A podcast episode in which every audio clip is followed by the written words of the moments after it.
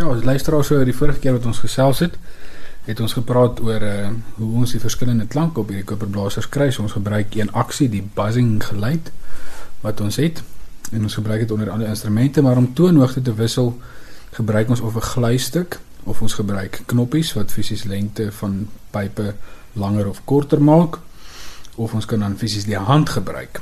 Die ontwikkeling van die trompet het fisies met met verskillende lengtes gepaard gegaan. Hulle het eers uh, net een pyplengte gehad en ons kon 'n hele botoonreeks wat Pythagoras ons uitgewerk het gespeel het. Toe het hulle later net bietjie gaatjies in die instrument geboor om bietjie meer moontlikhede te hê en tot hulle uiteindelik by die by die knoppies gekom het, het dit die router kleppe was of die piston kleppe. Uh by die horings het ons ook eers instrument gehad wat een pyplengte was, maar hy was gedraai soos die meeste van ons die Franse horing vandag ken. So hy het sonder knoppies gewerk. So hy het ook op die botoonreekse gewerk en hulle kon dan ook met ander woorde net verskillende toonsoorte speel deur pype te verleng of te verkort. Ek hoor jy praat van die horing, maar ook Franse horing. Wanneer word dit 'n Franse horing genoem of is almal Franse horings of is daar ander horings? Dis eintlik baie verwarrend. Ons praat vandag praat ons van die horing as die Franse horing wat eintlik foutief is. So dis hoekom ek vir julle die ander instrumentjie saamgebring het hierso. So ons sê die horing het begin met een lengte en toe het ons begin knoppies bysit. So die horing wat ons noem Corno de Caccia of die jaghoring het ontstaan in Frankryk. Maar die konsep is nie dieselfde as die horing wat ons vandag ken nie.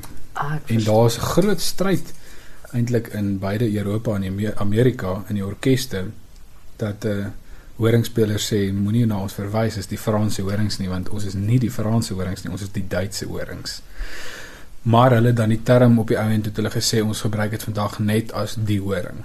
Goed. So dit is net 'n horing in plaas van 'n Franse horing of 'n Duitse horing of 'n wat se horing ook al.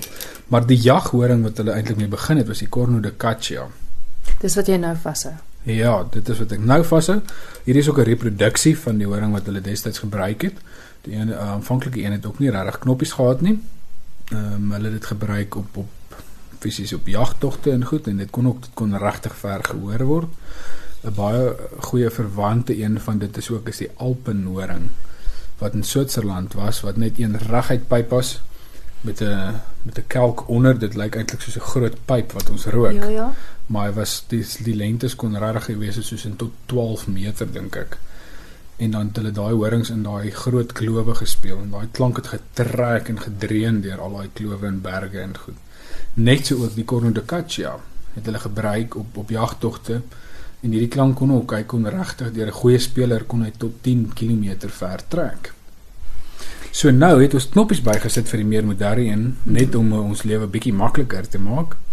So die van julle wat die Franse horing of dan die horing ken, sal weet dat met ander woorde ons die ronde klank het en die wat dit bietjie van naderby ken, sal weet dat die Franse horing soos wat die spelers hom speel, sal hulle regterhand sal fisies in die klok wees en hulle speel met hulle linkerhand die knoppies. Die corno de caccia speel ons nie met die hand in die klok nie en ons gebruik fisies die regterhand om die knoppies te speel. So, as ek so vinnig vir julle speel, dit gaan dan eintlik om dit maklik te verduidelik is hierdie corno de caccia is eintlik soos 'n sopraan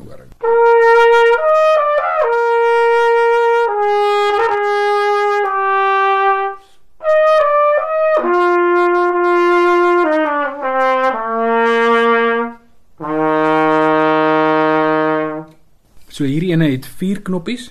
Dit is weer eens soos 'n manier wat ons hom bietjie eh, aanpas sodat ons gemakliker deur die omvang kan kom van die instrument. As ons nou kyk na die moderne horing, die een wat ons almal ken. Jy het nou genoem jy speel met jou hand in die kelk gedeelte. Ja.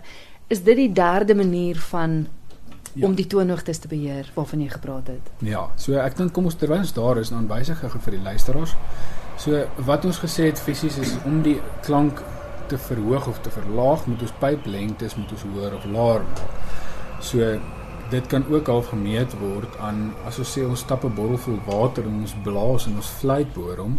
So hoe kleiner die spasie is binne daardie bottel, hoe hoër gaan die klank. Mm -hmm. So as ons met die hand die klank probeer alterneer, dan gaan die effek gaan nie so groot wees nie, maar ons maak fisies die gat maak ons kleiner en groter. So jou hand is met jou vingers oop in die gat in. Ja. Goed. So as ek net een noot speel,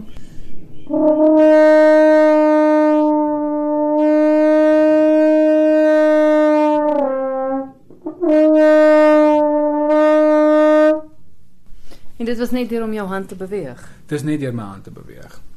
So wat vir, wat vir die horingspelers, hoekom hulle dit vandag nog gebruik, dit was eintlik vir die horing gewees wat nie wels gehad het nie of kleppe dan. Ja. Maar vir die moderne instrument steeds omdat dit 'n koniese instrument is en die pyp so lank is, is die instrument baie onstabiel.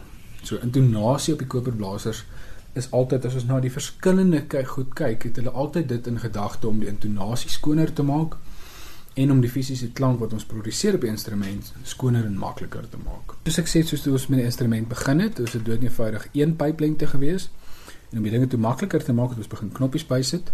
Toe het hulle agtergekom dat as ons 'n uh, hulle praat van 'n sneller of 'n trigger in in Engels is soos 'n trigger bysit en ons maak fisies dat ons 'n ekstra stel pypies kan byvoeg. So julle sal sien bo op die instrument het ons een stel pypies en net onder daai pypies is 'n kompleet nuwe stel pypies. So vandag se moderne horing wat ons gebruik is eintlik 'n 2 in 1. Ons het 'n 'n F horing wat hulle eintlik op leer speel. Meeste van hulle, daar's ook verskillende skole. So een hou sal vir jou sal vir jou sê nee, ons begin nou sommer op al twee horings speel of ons begin sommer op die bemol horing speel of wat ook al. Maar meeste van hulle dink ek is is van die uitgangspunt dat ons begin op die F horing, net op die F horing speel. So dit sal dan wees sonder om die sneller te trek of die die trigger, soos dit hulle praat in Engels, sal ons net met die drie knoppies speel en ons gaan dan deur die boonste stel pypies wat die langer stel pypies is. Ons kan met ander woorde, as ek dalk gou-gou die voorbeeld gebruik, so gaan net op die F horing speel.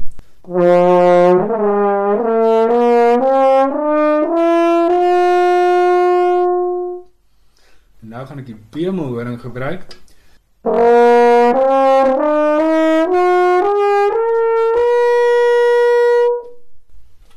So dis dieselfde instrument maar deur om die sneller te trek of nie te trek nie, kry jy die twee verskillende. So wat nou gebeur het is, is ek het presies dieselfde toner gespeel met my op die op die knoppies op die kleppe.